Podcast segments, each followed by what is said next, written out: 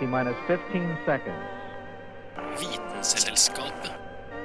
T minus 10, 9, 8, 7, 6. We have main engine start. 4, 3, 2, 1, and liftoff. Vitenselskapet. Vitenselskapet på Radio Nova.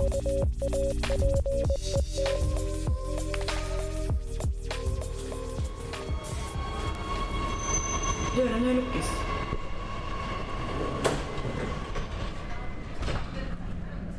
Observante lyttere har kanskje allerede gjettet åstedet og dermed tema for dagens sending. Vitenselskapet befinner seg nemlig på T-banen i Oslo, og vi skal snakke om transport. Heng med om du vil lære mer om celletransport, selvkjørende busser og hvorfor er det egentlig sånne irriterende små skapninger på T-banen om sommeren? Er det oss du snakker om, Hanne? Med meg har jeg Kristin Grydland. Og Julianne Li Fjell. Mitt navn er Hanne Grydland. Du hører på Vitenselskapet på T-banen.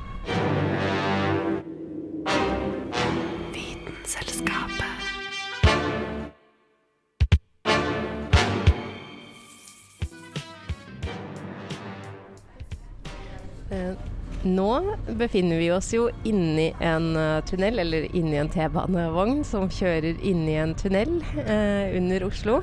Og Det er jo derfor det heter T-bane i utgangspunktet. Tunnelbane. Ja, det er sant. Hvis vi ikke kjørte i tunnelbane, eller tunnel, så hadde vi jo strengt tatt ikke kjørt ekte T-bane, spør du meg. Det hadde bare vært en eh, bane, da. Men vet dere hvordan denne tunnelen er gravd ut? For hånd av små eh, gnomer. Eh, At det kanskje er muldvarper som har eh, blitt eh, hyret inn av regjeringen. Hundrevis av små muldvarper som holdes i bånd eh, og piskes framover for å grave hull i tunnelen. Nei, altså denne tunnelen her er nok eh, sprengt ut. Men hvis man skulle bygd en ny tunnel i dag, f.eks. som man gjorde da man bygde ny tunnel i London i 2018, eller Follobanen f.eks., så bruker man sånne svære maskiner som eh, ser ut som sånn sandormer fra Dune. Har dere sett eh, Dune?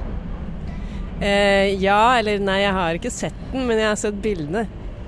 Eh, Jeg har sett den, og jeg eh, ser for meg at det er et litt eh, skummel måte å lage eh, tunneler på. Ok, det er kanskje ikke helt sandormer, da, men det er sånne enorme maskiner som heter eh, tunnelboremaskiner. Um, som er eh, kjempelange. De er sånn 150 meter lange, som er det samme som 1,5 lang T-bane, f.eks. Eh, 10 meter i diameter. Uh, og foran så uh, er det sånn enormt roterende hode med masse kniver. Så det ser nesten ut som en parmesanrasp, kanskje, foran. Eh. Hva mener du med parmesanrasp? Liksom et rivjern? Ja, rivjernkniver i en sånn runding rundt slipehodet. Så Men- du sier at fjellet blir raspet som en ost? Ja, på en måte. Så, så man rasper jo kanskje um, 12-15 meter om dagen, klarer man å bore seg framover. Eh, og det som er litt utfordringen da, når man eh, borer tunneler på den måten her, er jo at tunnelfjeset, eller fronten av tunnelen, kan liksom eh, kollapse. For det blir så mye Du må utligne det trykket eh, som eh, maskinen møter i front. Og da er det litt sånn ulike måter å utligne det trykket, da. Den vanligste er kanskje at du bruker bare den jorda eh, som du har graver ut. Eh, som du på en måte eh, støtter opp på fronten av maskinen. Eh, eller så kan du blande jorda med en sånn slurry eh, som skaper en sånn masse som også holder liksom eh, jorda på plass. Da. Men etter hvert så må du jo frakte denne jorda ut av maskinen. Hvordan gjør man det? Lastebil med spader og menn som laster. Eller er det da du bruker muldvarpene til å ta med jorda ut? Eh, nei, du, du har faktisk et lite tog inni denne lange maskinen. Eller skinner, da. Eh, så man har sånne um, conveyor belts, eh, sånn lastebånd, eh, som lemper jorda oppi eh, vogner som går på skinner, da. Som tar med seg jorda ut av maskinen. Så eh, sånn borer den seg fram. Noen meter hver eneste dag, og til slutt så skal den da forhåpentligvis treffe eh, på det stedet som ingeniørene har sagt at man eh, skal treffe. Eh, men en sånn maskin, hvor, hvor presis tror dere det er?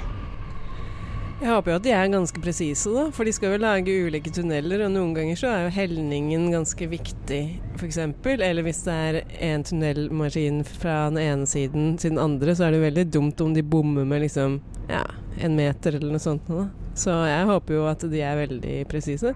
Ja, Når det tar så lang tid også, så kommer det til å være en veldig bomtur hvis det går litt feil. De er eh, eh, presise innenfor en millimeter av eh, hvor de er sagt å skulle stoppe og komme ut, da. Ja, men det er jo ganske enkelt, for det er jo bare fordi ingeniøren sier sånn ja, det var faktisk der vi hadde tenkt at den skulle eh, Så det var på en millimeter riktig. Nøyaktig det vi sa. Eh, Det som er litt gøy med tunnelboremaskiner, da, man kan jo tenke at det er noe veldig sånn ny, nymotens oppfinnelse. Eh, også med tanke på at det ikke var brukt i Norge før eh, 1980-tallet. Men den første tunnelboremaskinen ble faktisk oppfunnet eh, i eh, på slutten av 1800-tallet, midten av 1800-tallet. I 1845 eh, så ble det en, bygd en tunnel eh, mellom Frankrike og Italia gjennom Alpene. Eh, det var eh, kongen av Sardinia som eh, beordret tunnelen bygd. Eh, og da var det en fyr ved navn Henri Jo- Joseph Maus som lagde en Mountain Slicer, eh, som var på en måte en protoversjon av en sånn type eh, tunnelboremaskin, da. Jeg vil jo si at Mountain Slicer er så mye kulere navn enn tunnelbyggemaskin. Og så var jo problemet at den kollapsa etter sånn ti meter, da, og resten måtte gjøres for hånd med pressluftbor. Men det trenger vi jo ikke snakke så mye om. Radio Nova er best. Alle andre er tapere. Radio Nova.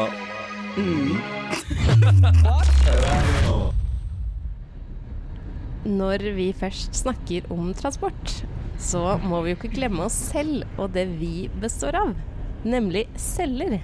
Eh, For cellen den må klare å transportere næring og annet materiale for å klare å fungere. Men hvordan fungerer det egentlig? Vi mennesker er såkalte multicellulære organismer. Som betyr at vi består av mange celler, satt sammen til vev og organer. Cellen er altså den minste enheten vi består av. Og de krever naturligvis energi, oksygen og påfyll av ulike molekyler for å holde seg levende. De må også kvitte seg med avfall. For at dette her skal være mulig, så må jo det være en slags vei inn og ut av cellen. Våre celler er omringet av et dobbelt lipidlag, eller fett som det også heter. Og denne cellemembranen danner en slags grense mellom innsiden av cellen og miljøet utenfor. Den fungerer som en selektiv barriere for transport av ulike stoffer, og den er såkalt semipermeabel, som betyr at det er kun noen stoffer som kan trenge gjennom den. Siden membranen vår er laget av fett, så kan noen fettløselige stoffer bare passere rett over den og inn i cellen uten noen problemer. Men hva med de andre vannløselige stoffene, eller de større molekylene? Hvordan skal de komme seg over? Heldigvis så har jo kroppen vår og cellene våre løsninger på dette problemet.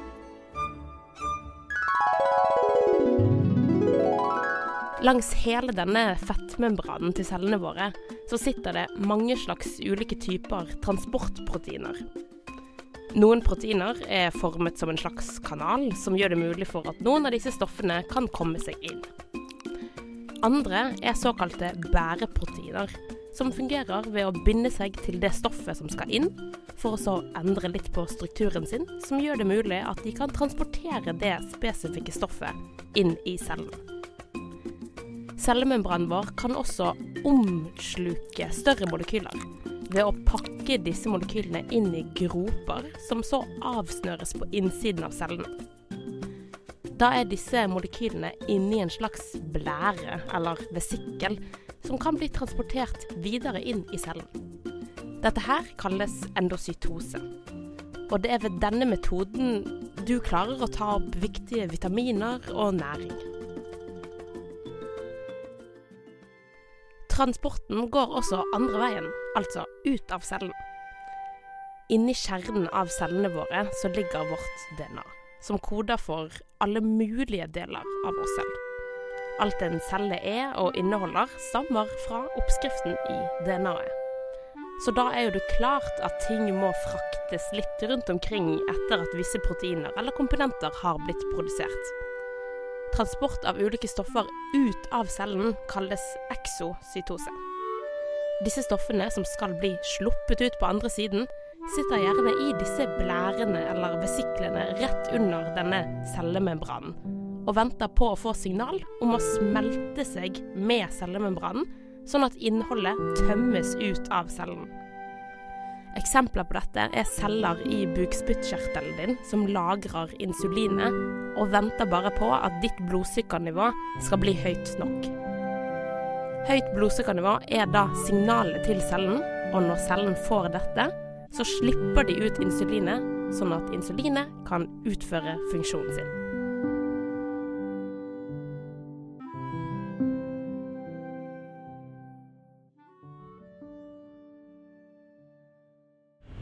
Saken var laget av Anna Vik Rødseth.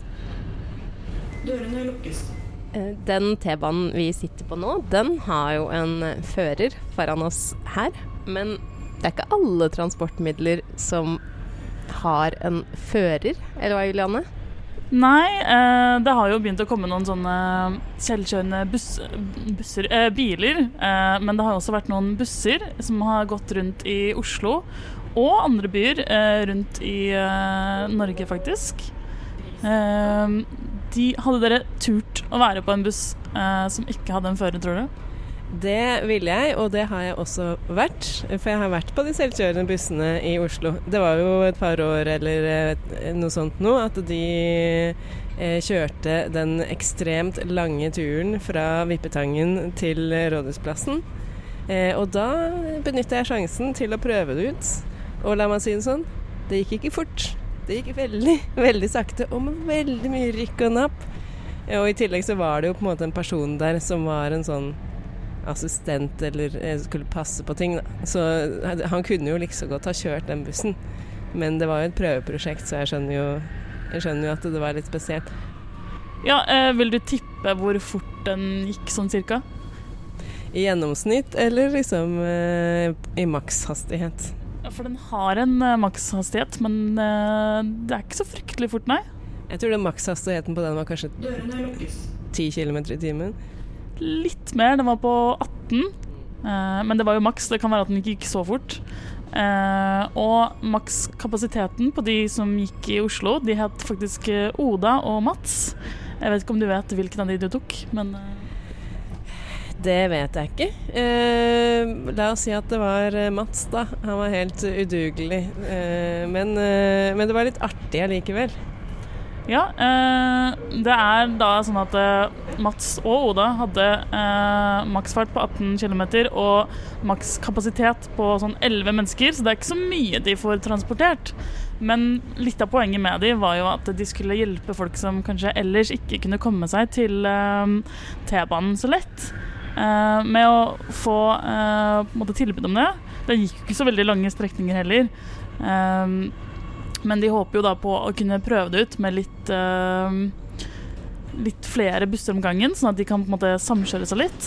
Og også litt lengre strekninger kanskje etter hvert. For det har den jo gjort andre steder. Sånn eh, i Kongsbergikten, eh, på Svalbard til og med har de hatt noen.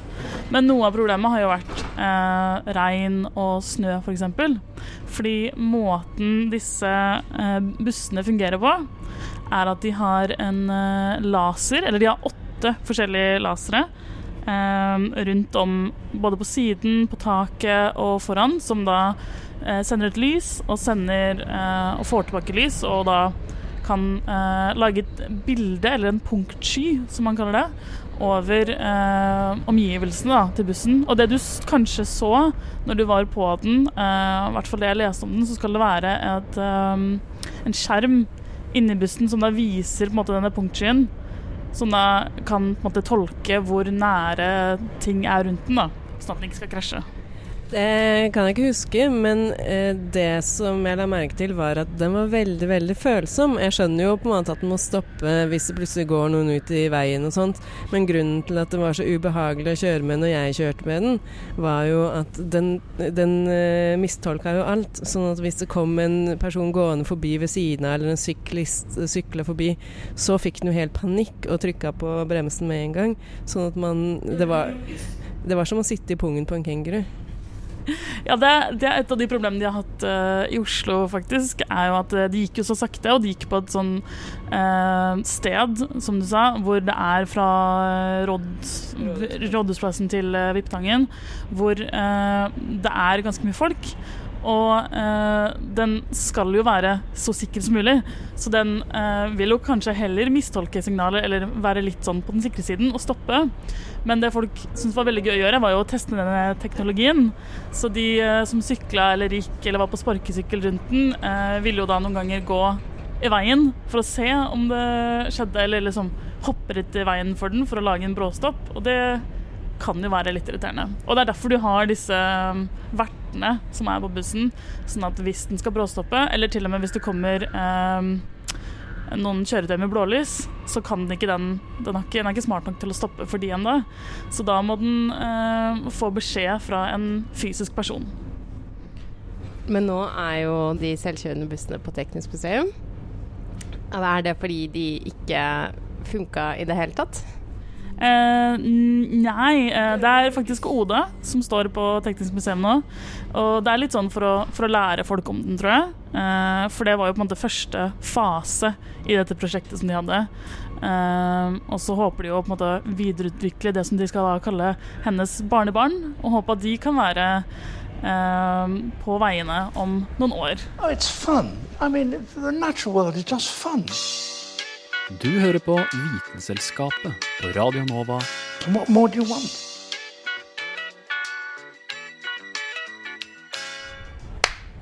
Var det en mygg du fanga der, eh, Julianne? Men helt så utrolig. Myggen skal jo ikke plage oss nå i februar.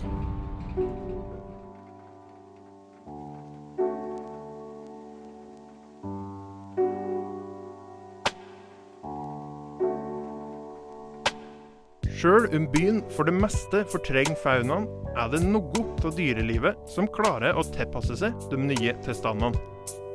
Byer med infrastrukturen deres byr på nye muligheter for de dyreartene som klarer å finne sin nisje å fylle. Ikke alle disse dyrene er like hyggelige. Mygg er uten tvil ei pest og ei plage å komme borti. Heldige oss nordmenn som har så lang en vinter der myggen går i dvale og oss slipper greit unna. Men såpass fint er det ikke. I Oslo og Kristiansand har oss nemlig en egen form for mygg. T-banemyggen lever, som navnet tilsier, i T-banenettet i disse byene. Her er det varmt og godt for en liten mygg, og her kan den leve og pare seg hele året. Verdens vanligste form for mygg er den vesle husmyggen, og denne finnes stort sett over hele verden. Det er en ondeart av denne myggen som har utvikla seg til å leve i T-bana. Artene skilte seg evolusjonært forholdsvis nylig, trolig i løpet av de siste 100 årene. Pga. nærheten er T-banemyggen og liten husmygg vanskelig å skille morfologisk. Det vil altså si at det er liten forskjell på hvordan de ser ut. Men sjøl om forgreininga skjedde nylig, er det fortsatt noen forskjeller på myggene. Liten husmygg tåler kulde forholdsvis greit, og går i dvale om vinteren og klarer seg på denne måten. T-banemyggen er som sagt aktiv hele året, fordi det er varmere i dets private herredømme. De skiller seg òg ved at liten husmygg suger blod kun fra fugler, og er dermed ikke noe plage for oss folk. T-banemyggen er forholdsvis ukoselig. Den holder ikke til fuglene, den suger blod fra både rotter og mus, så vel som fra mennesker. Ikke koselig å tenke på at myggen suger både fra rotter og fra folk. T-banemyggen legger eggene sine i stillestående vassreservoarer. Disse dammene er ofte menneskeskapte, og heimen til myggen er gjerne fuktige kjellere eller kloakken. Disse motbydelige vesle krypene kommer altså rett fra det ekle. I tillegg til dette kan myggen være bærer av farlige sykdommer, f.eks. japansk encefalitt, hjernehinnebetennelse og elveblest. Myggen er òg satt på svartelista. Dette er ei liste over fremmede arter som er en trussel mot artene som allerede bor her i landet. Dette udyret er ikke akkurat noen liten, søt kattunge. Det er ikke bare i Norge vi har T-banemyggen. I New York var myggen ei plage på Manhattan, særlig sommeren 2011. Utryddinga av myggen ble ikke gjort til noen prioritet, for det ble ikke påvist at den bar på Vestnil-viruset. I London sto myggen fram som ei pest og ei plage et hardt århundre tidligere. Under blitsen, mens Nazi-Tyskland bomba London for harde livet, søkte folk til flukt i undergrunnen. Her, i T-banenettet, var de trygge for Hitler sine bomber, men ikke for myggen. Den minste av to onder ble verd, altså. Jeg hater mygg.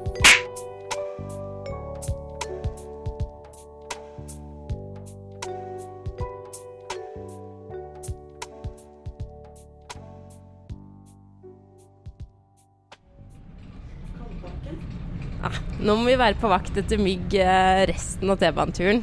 Det er fint at vi har tjukke vinterjakker til å beskytte oss, da. Han som lagde saken, heter Carl Adams Kvam. Nei Ja, klassisk. Nå står vi her på Ammerud og venter på T-banen tilbake, som vi akkurat ikke rakk. Eh, Men vi kan jo benytte anledningen til å høre litt om et annet transportmiddel, Kristin. Ja, og dette her er jo et helt nytt transportmiddel. Eh, faktisk så ferskt at eh, det var ikke mulig å gå på før 31.1 i år. Eh, det kan jo hende at noen lyttere har vært litt ivrige og prøvd det, men jeg snakker selvfølgelig om de nye trikkene. De nye trikkene som Oslo har fått. Det er snakk om 87 nye trikker som skal komme fra og med nå og til, eh, til 2024. Så det er ikke så lenge til eh, de gamle trikkene som vi ser i gatene våre nå, blir helt bytta ut. Og det er kanskje på tide, fordi noen av de trikkene er ganske gamle. De eldste trikkene, de litt sånn klassiske trikkene, eh, de er jo fra 80-tallet. Og så har du de litt større eh, trikkene som eh, er nyere, men de er også eh, ganske gamle. De ble bestilt i 95. For det har jo vært ganske mye ståhei rundt dette med at eh, Oslo skal få nye trikker. Eh, Men hva er greia med de nye trikkene, egentlig? Vel, eh, det var en del problemer med de tidligere trikkene. Nå er de jo ganske gamle, men selv da når de kom, så, så ble det litt sånn eh, konflikt og, og protester og misnøye, fordi at de var rett og slett de var for tunge, de var for svære. Eh, de måtte jo bygge om eh, holdeplasser og sånt for at folk skulle kunne gå på med, med barnevogn osv. Så, videre. så det var mye misnøye rundt dem. Eh, og da var det på tide med en oppgradering. Eh, så de nye trikkene der er det eh, lagt veldig vekt på at de skal være eh, universelt utforma, sånn at du skal bare kunne gå rett inn med eh, rullestol og med barnevogn. Eh, og i motsetning til de trikkene som vi har nå, eh, så har de ikke eh, hjulene på samme måte, sånn at du får ikke mange etasjer. Det skal være mer flatt. Eh, de ligner på en måte mer på en T-bane, da. Eh, og det gjør de jo i utseendet også. For de nye trikkene de bruker layouten til T-banen. Så Eh, den skal jo visstnok ha Jeg har aldri tatt den nye trikken, men den skal visstnok ha helt like seter og like søppelkasser og sånn, sånn, sånn som de T-banene som vi nettopp har tatt. da. Så du sier at den bare har stjålet uh, designet til uh, T-banene? Jeg sier at den nye trikken prøver å være en slags T-bane uten å være en T-bane, men bare i utseendet, innvendig. For utvendig så er den så søt. Den er knæsj blå, selvfølgelig, som alle Oslo-trikker. Og foran så har den sånne lys, lykter. Jeg vet ikke om det er med vilje, men de er helt sånn runde, så den ser litt sånn søt ut med øyne og og enn så lenge så har den ikke masse reklame på siden og sånt. Så utvendig så ser den veldig fin ut. Jeg hørte at det var noe ganske spesielt med snuta på trikken. Så du det? Nei, eh, fordi en av utfordringene med Oslo for en trikk, da, eh, sett mot andre byer hvor, som også har trikker, eh, så er det visstnok ganske spesielt at man i Oslo har veldig mye mm, vanlig trafikk i trikketraseen.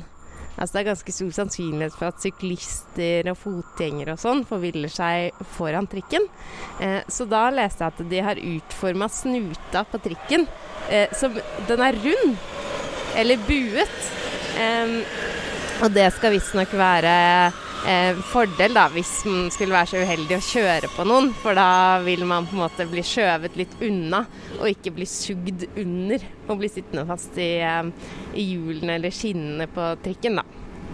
Det er jo en kjempestor fordel. Og det som også skiller den litt fra tidligere, er at eh, her har jo faktisk føreren et førerhus. Men eh, det er jo også en ulempe med den nye trikken, og det er jo at det blir færre sitteplasser. Eh, så de nye trikkene skal ha plass til 220 passasjerer, eh, men bare 56 sitteplasser. Eh, det er jo litt skuffende for oss som er veldig late og ikke liker å stå. Men samtidig så har vi jo sett, særlig under pandemien, at selv dobbeltseter blir jo ikke brukt. Det er jo så å si enkeltseter, for ingen vil sitte ved siden av hverandre. Hvis du har lyst til å prøve den nye trikken, så er det fullt mulig, fordi den har faktisk begynt å gå. Den er bare én linje hittil, da, linje 13, eh, som går eh, mellom Bekkestua og Jabru. Men eh, det er bare å hoppe på og teste den ut for seg selv. Er den så bra som eh, eh, de som jobber i Ruter sier at den er, eller eh, har du en annen mening? Mitt store spørsmål når det kommer til de nye trikkene, Kristin, eh, og det er det viktigste av alt for meg, for jeg tar nesten aldri trikker, men det eneste jeg vil at de skal forbedre, som jeg hater, er knirker den like mye som de gamle? Den er faktisk lagd for å være mer stille. Eh, sånn at eh, jeg vet ikke om den knirker like mye, jeg vet ikke om den har innfridd dette. Men når de bestilte den, så var det et av eh, hovedkriteriene. Den skal være så stillegående som det går.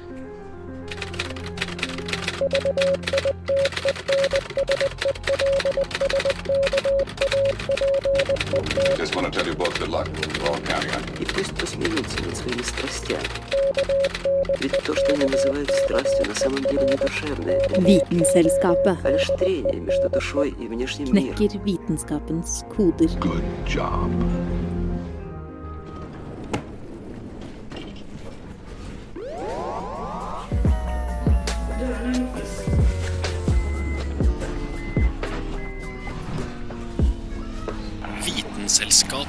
Denne reisen har tatt oss fra Majorstua til Ammerud og tilbake til eh, Majorstua. Og vi håper at sendinga har transportert dere til et sted der dere har lært om eh, mygg, celler, trikker og hva som egentlig er forskjellen på en trikk og en T-bane. Og ekstra gøy er det jo hvis dere faktisk har hørt på denne sendinga mens dere satt på et av transportmidlene våre. Eh, Dere hørte på Vitenselskapet. Mitt navn er Hanne Grydland. Jeg har hatt med meg Julianne Liefjell. Og Kristin Gridland. Og neste stopp er På en podkastavspiller nær deg.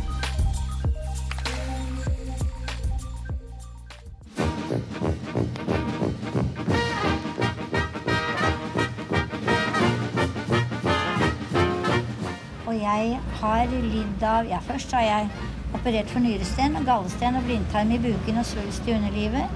Så har jeg hatt tre ganger mavesår og en halvdød skjoldbruskkjertel. og syv dårlige skiver i ryggen. Og så har jeg hatt hjerteinfarkt to ganger og angina pectoris én gang og sukkersyke. Og nå er jeg bra. Radio Nova. Hopper der andre hinker.